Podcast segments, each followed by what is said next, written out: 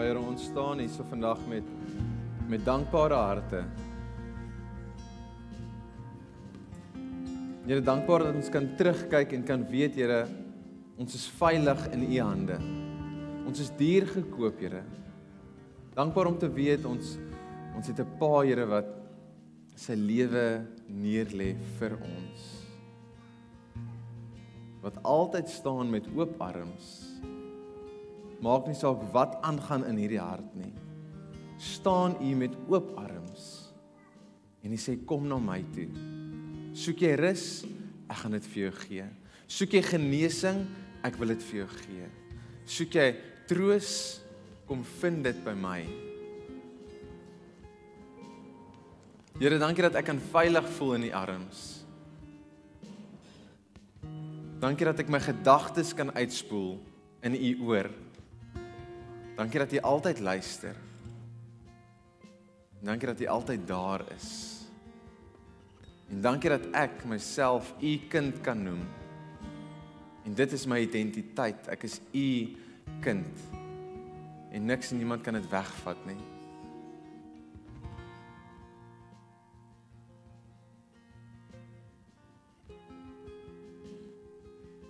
Ons staan met dankbare harte vanoggend dankbaar vir vir gesondheid.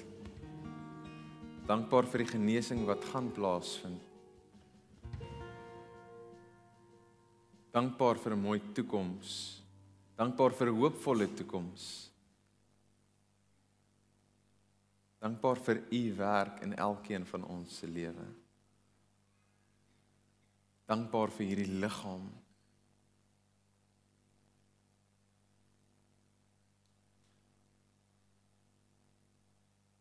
dit in Jesus naam.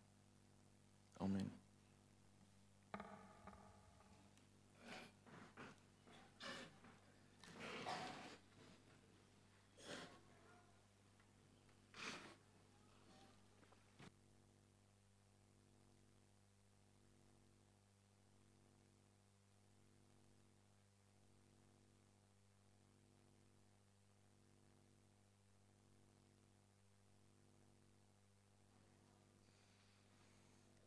So dit gaan goed met almal vanoggend.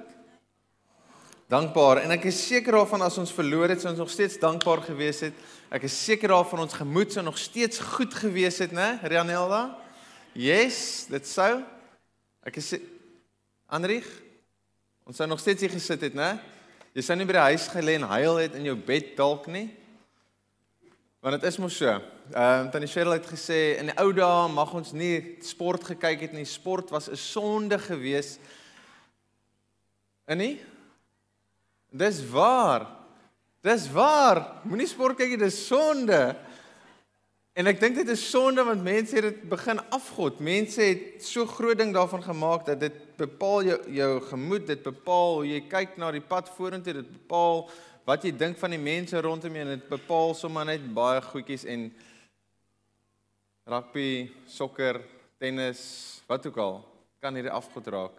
Maar gelukkig het ons almal saam gestaan gister en ek hoop almal het dit gekyk as jy nie het nie dan is dit ook oukei. Okay. As jy met jou trui so oor jou kop gesit het, dan was jy nie alleen nie want daar was baie mense wat dit ook gedoen het. Hulle het sommer op die rugbyveld gesit en dit gedoen. Ehm um, Ek het die game gekyk. Ek moet gou bely. Ek het dit in Brackenfell gaan kyk. Dit's 'n verskriklike plek. Ehm um, maar ek het dit dan by by my suster hulle se huis gekyk. Ehm um, so ek het hierdie tradisie wanneer dit kom by my by my prediking, uh ek sal gewoonlik dat my vrou my preek deurlees. Ehm um, ek het dit so so bietjie later in my jare ont, ontwikkel En ek gewoonlik sal ek net op my eie werk, my eie gedagtes, my eie gevoel en ek sal net deur stap werk. En toe begin ek te dink, ek maar kan mos dit deel met my vrou. My vrou is deel van my, so sy kan saam met my deur werk. En dan of dit nou is dat ek vir 3 dae voor die tyd gee of 'n Vrydag aand of 'n Saterdag aand na 'n wêreldbeker dan ek wou lees gou-gou net gou-gou hierso. Dan lees sy, partykeer is dit met 'n uh, opgewondenheid, baie keer is daar baie entoesiasme en sy sal lees en sy het gedagtes. Baie keer not so much. Baie keer is sy moeg. Ehm um, maar sy weer dit beteken vir my baie. So sy lees daardeur en sy werk daardeur. En en wat ek nou al agtergekom het wanneer ek wanneer my wanneer my preek neig in die rigting van om te dien dan begin haar gemoed so te sak en sy sal kommentaar gee soos gaan jy alweer oor dit praat gaan jy alweer in hierdie rigting ek is moeg wil jy nie eerder vir my 'n bietjie inspirasie gee nie wil jy nie vir my motivering gee vir hierdie week wat voor lê nie en dan kyk ek net vir haar so en sê ek uh -uh, nee Dit is die boodskap. Werk rondom dit. As jy gedagtes het, sit jou gedagtes in rondom dit. En ek besef vandag mense is moeg. Ons het eers 12 uur, 2 uur gaan slaap. Toe die musiekspan vanoggend hier inkom, is die oogies nog so dik, nie van trane nie, maar van moegheid. Toe het ons 'n paar koffies ingewerk en almal is weer op en wakker. Maar die jaar was lank geweest oor die algemeen. Mense is moeg. Baie dinge het gebeur. Jy het mense weer eens dalk afgestaan aan die dood. Dat mense siek geraak. Jy struggle. Die jaar was lank. Jy sukkel by die werk. So jy's moeg. So dis nie noodwendig lekker om altyd hierdie goed te hoor soos my vrou. Sy wil geïnspireer word. Sy wil motivering hê vir hierdie week wat haar gaan dra. Ehm um, Maar dis nie noodwendig vir oggend die geval nie. So so hierdie afgelope week is het ons afgeskop met 'n reeks hier so by die kerk. Dis 'n uh, 6 weke reeks The Meaning of Marriage. En en dit het sommer baie lekker afgeskop. En die reeks gaan oor die huwelik en en die heel eerste ehm um, enetjie waarmee ons begin het, die heel eerste week se tema was nie oor jou nie. Dit het nie gegaan oor wat ek uit die huwelik uit kan kry nie, maar dit het gegaan oor snaaks genoeg dat die huwelik nie oor jou gaan nie. Dit het gegaan oor die huwelik gaan oor jou maat. Dit het gegaan oor die dien van jou huweliksmaat. Dit het gegaan oor die huwelik wat 'n speel speelbeeld is van God se liefde vir sy mense. God wat sy sy lewe neergelê het vir my en vir jou.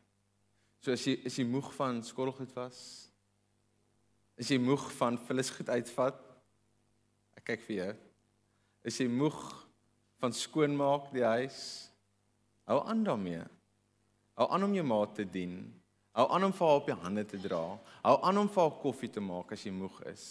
Hou aan om vir hom te dien. Hou aan om vir hom op die hande te dra. Want weet as jy dit doen, is jy besig om God se liefde te reflekteer aan die mense rondom julle. Julle huwelik is besig om 'n refleksie, 'n spieelbeeld te wees van God se liefde. So jy sê jy het reg geraai. Al was dit 'n moeilike jaar, al is dit dalk nog steeds 'n moeilike jaar, al bevind jy jouself tans in 'n moeilike plek op 'n plek waar jy moeg is, uitgeput is, uitgemat is, dan wil ek vir jou sê gaan lees Matteus waar Jesus vir jou nooi, kom na my toe en hy sal vir jou rus gee. Hy gaan vir jou ritmes wys hoe om te kan rus, hoe om te kan asemhaal. Maar ek wil jou vandag uitnooi en ek wil jou aanmoedig om aan te hou om 'n diensknegt te wees vir die mense rondom jou. So Frans het laasweek gepraat en hy het baie mooi gepraat oor hierdie wedloop waarin ons onsself bevind. En ek hoop nie jy is in hierdie wedloop besig om klomp sand in mense se oë te skop nie. Ek ek hoop jy is besig om te stap. En hy het gepraat van ons almal is op verskillende plekke. Ek hoop jy is besig om te stap. Ek hoop jy is besig om te waardeer dit wat rondom jou besig is om te gebeur. Ek hoop jy is besig om mense saam met jou te vat. En ek hoop jy is besig om met 'n met 'n dienende postuur rond te loop. Ons het gister bietjie op die strand gaan loop. Die van julle wat weet van die CC hike, dit was nie 40 kg gewees soos wat Piet gesê het nie en ek dink dit is hoekom baie mense nie gekom het nie. Hulle het gedink 40 kg kan nie. Ons het 2 ure gaan stap. Maar daar was baie wind gewees, maar dit was nog steeds lekker gewees. Maar wat my toe getref het terwyl ons gestap het en dit was lekker geweest, ons het gechat en die wind het gewaai en ons het gestap, die see gekyk en dit was regtig mooi geweest, maar toe op 'n stadium toe gaan iemand en hulle tel 'n plastiek sak op en soos ons stap tel hulle papiere op. En ek dink met myself, "Eg, dis nogal skool." Dis my plan en idee is nog glad nie dat ons nou gaan om die strand skoon te maak nie. Die idee was maar net laat ons bietjie connect, saam stap, saam journey, saam chat. Maar die persoon besluit toe om sommer net rommel op te tel soos wat sy stap as deel te maak van haar stap. En dit was my nice geweest. Dis 'n dienende postuur wat ek raak gesien het. En ek wil ons aanmoedig om om hierdie wedloop waarin waarin jy is in 'n dienende postuur te doen. Al raak jy moeg. Al is jy nie lus nie. Want ons lewe in hierdie samelewing wat gejaagd is, in 'n samelewing waar dit 'n kompetisie is om te sien wie kan bo uitkom. Wie kan die leertjie die vinnigste klim? Wie kan die meeste insamel? Wie kan die mooiste goed bymekaar maak? Van die een wat die meeste en die beste en die mooiste goed het, hy het meer aansien in ons samelewing.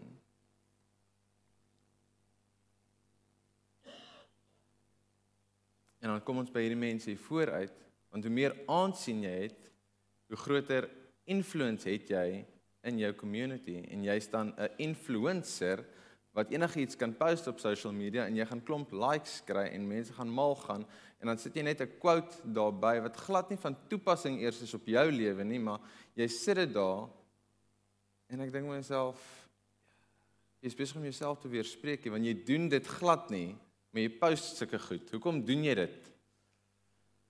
En dan verfies ek myself sommer. Jakobus 2 praat van die volgende. Vers 14. Hy sê wat baat dit my broers as iemand sê dat hy geloof het, maar hy het nie dade nie. Die geloof kan hom tog nie verlos nie. As 'n broer of 'n suster sonder klere en daaglikse kos is en een van julle sê vir hulle gaan in vrede, word warm en word versadig. Maar jy gee nie vir hulle wat die liggaam nodig het nie. Wat help dit? Soos geloof alleen as dit nie op dade uitloop nie, dood. Punt. Kan jy dit hoor? Jy sien iemand wat nood raak het. Jy sien 'n behoefte raak. Jy sien iemand is honger. Broer, ek bid vir jou. Ek hoop jy kry kos. En jy draai jou rug en jy stap weg en jy stap aan 'n kant toe. Gaan sy maag vol raak? Nie noodwendig nie. So ek gaan nie vandag, ek het geen begeerte om om in te zoom op die eeue oue gesprek tussen geloof bo dade of dade bo geloof nie, maar waarop ek wel wil fokus vir oggend is jou dade. Jou doen, jou aksies. Hoe lyk jou alledaagse doen? Waarmee is jy besig elke liewe dag? Hoe lyk jou interaksie met jou man of jou vrou? Hoe lyk jou interaksie met jou kinders? Hoe lyk jou interaksie met jou kollegas? Hoe lyk jou interaksie met daai onderwyser wat jou kind te nagekom het? Hoe lyk jou interaksies met die mense rondom jou. Sien dit is maklik om om hier voor te kan staan en te kan preek en goedjies te sê en wyshede te deel want die Bybel is vol daarvan. Die Bybel het baie wysheid en die Bybel het baie stories baie en jy kan dit ook gaan lees en jy kan dit ook met mense deel en dis en jy kan dit share op jou social media en jy kan 'n quote plaas en jy kan dit daar sit en mense gaan dit like en dit klink sommer net amazing #love thy neighbor. En jy kan dit sê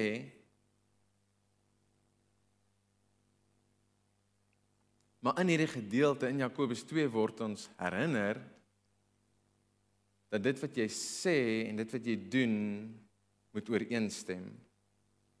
Is dit nie waar as ek sê dit is dit is maklik om te praat oor liefde? Dit is maklik om te praat oor genade. Dit is maklik om te praat oor iets soos vergifnis.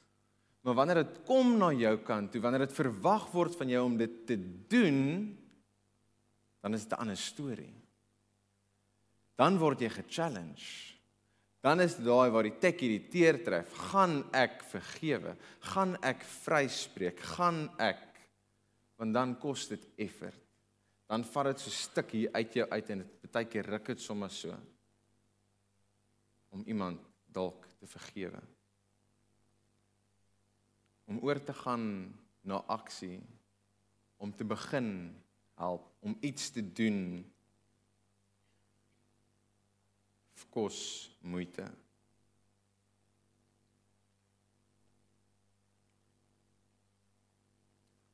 vra effort van jou kant af. So om te glo in Jesus is mooi en ek is bly jy doen dit. Ek is bly daai besluit gemaak om te glo in hom. Maar hulle sê mos die duiwel glo ook in Jesus. Jy het dit geweet. Maar wat gaan jy nou doen? Nadat jy sê ek glo in Jesus, nadat jy sê ek is nou 'n volgeling van Jesus. Hoe gaan dit jou doen verander? Gaan jy toelaat dat hy vir jou verander? Verander vir ander. Verander om meer soos hy te word. Verander om minder van jouself sigbaar te maak en meer van hom sigbaar te maak.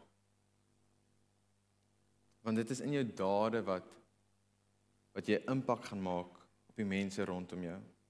Dit is deur jou dade wat mense gaan sien hoe so dit is hoe hy glo. Dit is wat in wie hy glo. En dit is deur jou dade wat mense vir Jesus gaan raak sien of dalk nie vir Jesus gaan raak sien nie.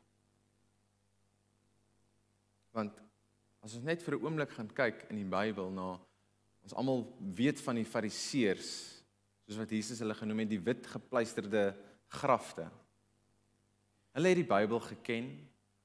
Hulle kon skrifte quote net soos wat 'n tiener quotes kan plaas op Instagram. Maar hoe het hulle aksies gelyk? Hoe het hulle dade gelyk? Want hulle het ook geglo in God. Hulle het geglo in die wet. Maar hulle dade het mense weggejaag. Hulle dade het mense gestenig. Hulle dade het geweier om aan siek mense te raak. Hulle dade het veroorsaak ek gaan nie vuil raak nie. Hulle dade het gesê ek moet skoon bly, ek moet rein bly. Ek ek mag nie nou betrokke raak nie. En is dit nie maar vandag steeds die geval nie? Is dit nie hoekom daar reg oor die wêreld vinger gewys word na Christene? Omdat daar's daar's Christene wat sê hulle is Christene, maar hulle dade lyk heeltemal anders. Is dit bietjie eina? Maak dit bietjie seer? Is nie lekker om dit te hoor nie, ek weet. Maar ons praat hierdie groot game, ons sê ons is Christene, ons sê ons volg vir Jesus. Maar wat sien die wêreld as hulle kyk na jou? Wat se beeld sit jy na voor? En ek praat nie van die make-up wat jy opsit nie. Ek praat nie van die post wat jy post nie. Ek praat van wat sien die mense? Wat sien jou kollegas? Wat sien die wêreld? Wat sien jou kinders wanneer jy jou voete by hierdie gebou uitsit in die huis in die week? Hieso is jy dalk mooi en jy's pragtig en jy's vriendelik en jy glimlag en jy groet almal en jy help en jy dien en jy's fantasties en almal in die gemeente dink, "Wag, hierdie man is hy's net great. Ek wil soos hy wees." En dan sê die vrou, "Maar jy moet bietjie by ons huis kom kyk." Shame. Dis verskriklik.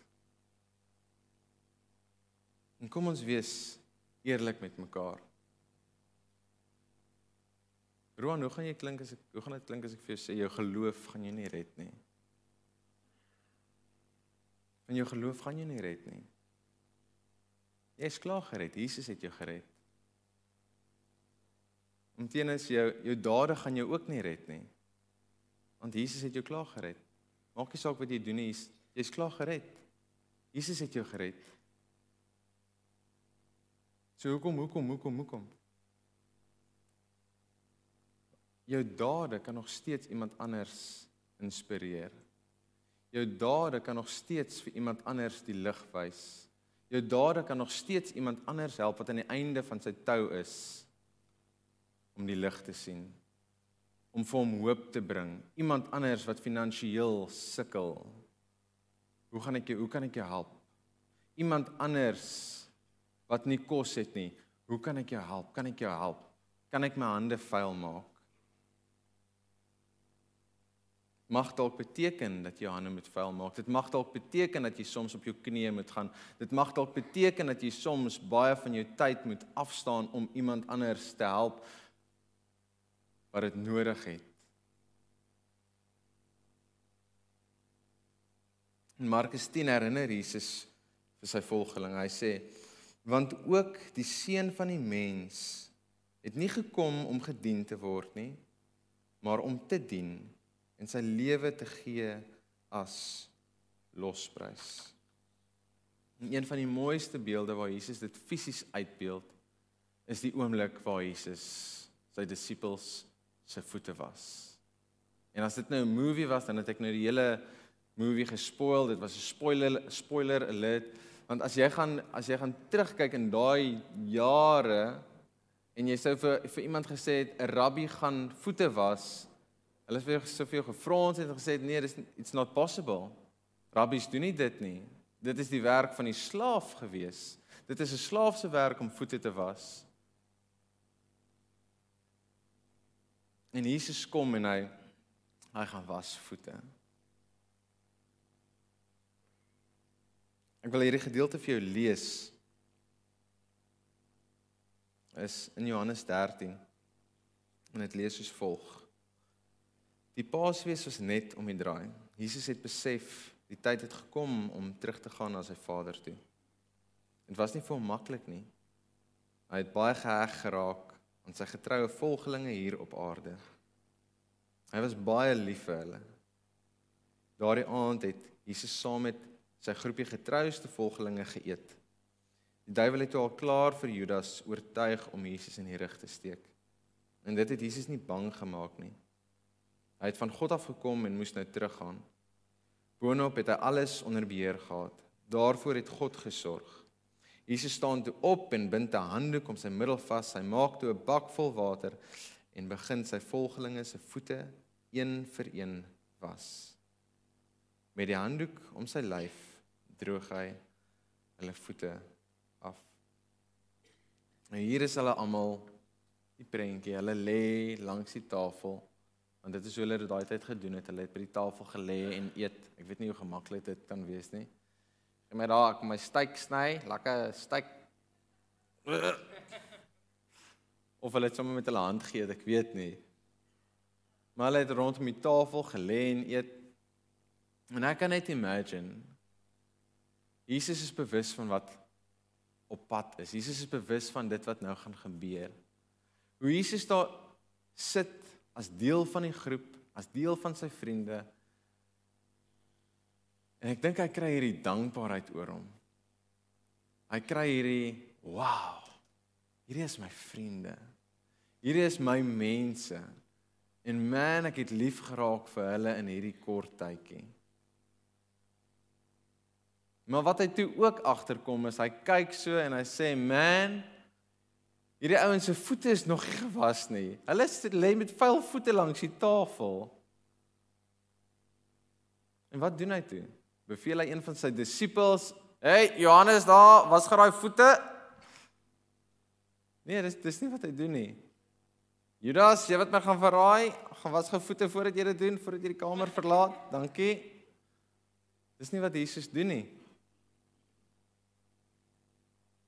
Jesus sien die nood raak. Jesus sien die behoefte raak. En hy staan op. Hy bind 'n handdoek om sy lyf. Hy kry 'n bak, vul dit met water. Hy gaan kniel voor sy disippels en hy gaan was hulle voete een vir een. Die leermeester, die rabbi God kom en hy was sy disippels se voete. Hy doen die vuilste werk wat daar is om te doen. Nou as daar iemand in daai vertrek was wat voete moes gewas het, dan sou dit sekerlik een van die disippels gewees het en as jy vir hulle gevra het om dit te doen, as Jesus vir hulle gevra het, dan sou hulle teen teen een gesê het, "Yes, ek sal jou voete was, Jesus." Want jy's my leermeester. Maar ek dink definitief nie hulle sou mekaar se voete gewas het nie. Want die oomblik wat ek sê ek sal jou voete was, dan sê ek ek ag jou hoër as my. En ek gaan kom kniel voor jou en ek gaan na jou voete was. En waaroor het die disippels gereeld gestry? Hulle het gestry oor wie die belangrikste wil wees. Wie die regterkant van Jesus gaan wees as hy eendag regeer. So hulle sou nie mekaar se voete was nie. Wat ek en jy eerder sal doen, is ons sal vinger wys na die mense wat nie soos ek en jy lyk nie. Ons sal vinger wys na die mense wat nie dien soos wat ek en jy dien nie. Ons sal vinger wys wat na die mense wat nie glo wat ek en jy glo nie. Ons sal vinger wys voordat ons iemand anders gaan dien. En, en hierso wil ek jou aan die volgende herinner, aan die gedeelte wat gepraat het oor Judas. Jesus het reeds geweet wat gaan gebeur. Jesus het reeds geweet wat Petrus ook gaan doen.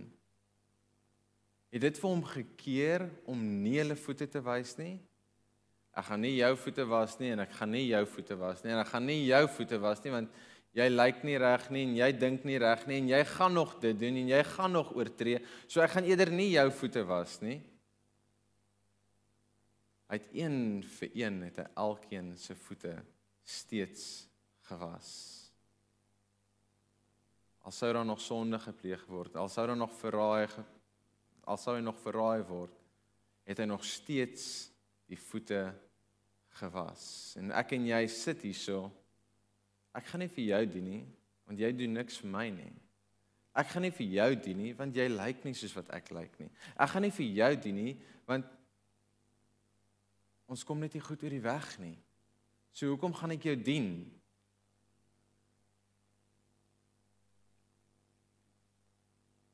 En in dieselfde sin, o ja, ek volg vir Jesus. awkward. En ek praat ver oggend hard hierso met myself. So ek is iemand wat ek hou daarvan om te dien. Dis my dis my lekker. Ehm um, en dit was te snaaks want dit is nog my hele lewe lekker om te dien. Ek gee nie om om te vee of te stofsuig of te skorrelgoed te was of enigiets. Dit dis dis nice. So sal mense kry wat klaar daaroor, jy gaan mense kry wat moan daaroor en ek verstaan dit en ek I I get it. So dit was nog altyd vir my lekker geweest om te praat oor dien. Maar man, soms raak dit moeilik vir my. Soms gaan jy deur sulke dips en dan ek kan nie meer nie. Ek wil nie meer nie. Ek wil nie meer dit doen nie. Ek wil nie meer dien nie. Ek ek wil nou iets anders doen. Ek wil nie meer dien nie. En dan moet ek myself herinner, Matthys, wie is besig om te volg hierso? Waar kry jy jou krag vandaan? Hoe het Jesus se lewe gelyk? Wat het hy gedoen? Eerstens moes hy die hemel verlaat en tweedens het hy voete gewas. Hy het homself 'n dienskneg kom maak hier tussen sy mense. Jesus was 'n lewende voorbeeld van wat dit beteken om met 'n dienende hart te leef. Maak nie saak wat daaroor hom uitgespreek was nie. Maak nie saak hoe baie keer hy ge-challenge was van elke kant af nie. Maak nie saak hoe baie keer hy bevraagteken was nie. Dit het hom nie gestop om ander te dien nie. Maak nie saak hoe moeilik lewe geraak het nie. Hy het aanhou dien letterlik tot die dood. Jesus was 'n lewende voorbeeld van wat dit beteken hoe om ander mense op die hande te dra. En ek moet myself heeltyd herinner daaraan. Volg jy vir Jesus? Want as jy as jy hom volg, dan wil jy lyk like soos hy lyk. Like. Dan wil jy doen wat hy doen. Dan wil jy dien soos wat hy dien. En dan moet jy 'n bietjie introspeksie gaan doen oor waarheen is ek op pad? Want Jesus het nie die leertjie geklim opwaarts nie. Jesus het sy mense vorentoe gevat. Jesus het 'n groep mense saam met hom vorentoe gevat. Dit het nie gaan oor hom wat opklim nie, maar dit het, het gaan oor om ander mense vorentoe te vat, om ander mense te help om beter weergawe van hulle self te word. Ek is geroep om te dien en jy is geroep om te dien. Waar ook al jy jouself bevind. Hoef nie hier te wees nie. In jou werk, in jou huisgesin, as pa, as ma, as broer, as suster, as oupa, as ouma. Jy is geroep om te dien.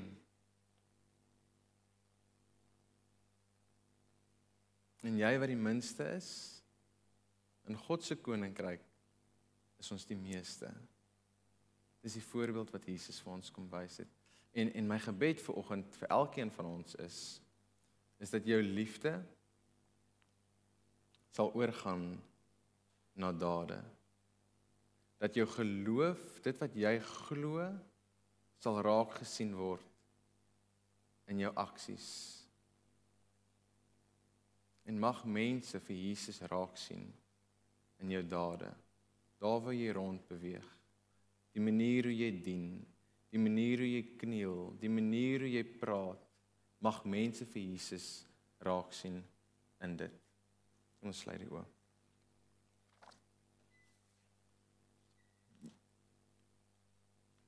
Here, dankie dat ons ver oggend hier kan staan, kan sit en kan weet waar ons krag vandaan kom. Here, dankie dat ons kan weet dat wanneer ons moeg raak en uitgeput raak dat U les ons dors. U gee vir ons dit wat ons nodig het. Fisies ons liggaam binne en buite.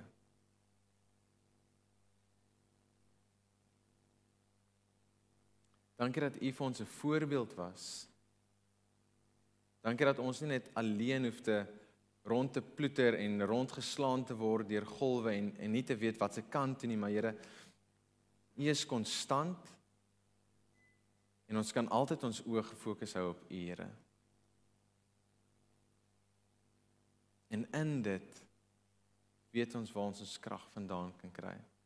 Weet ons hoe ons kan aanhou hoe ons kan deurdruk, hoekom ons kan aanhou. Here, want U het vir ons lewe gewys, U het vir ons lewe gegee en help ons om ook vir iemand anders die lewe te wys. Om ook vir iemand anders lewe te gee in dit wat ek doen, in hoe ek help, in hoe ek praat, in hoe ek 'n hand uitsteek. Here, ek bid vir elkeen vanoggend wat hier so sit. Elkeen wat op 'n verskillende plek dien, Here. Rig ons op. Help ons om daai hand kom ons lyf te sit en mense te dien. Help ons om anders te lyk as die res van die wêreld.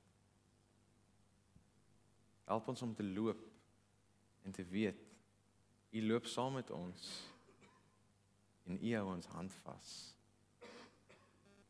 En help ons ook om ander saam met ons te vat in hierdie journey. Dis my gebed in Jesus naam. Amen.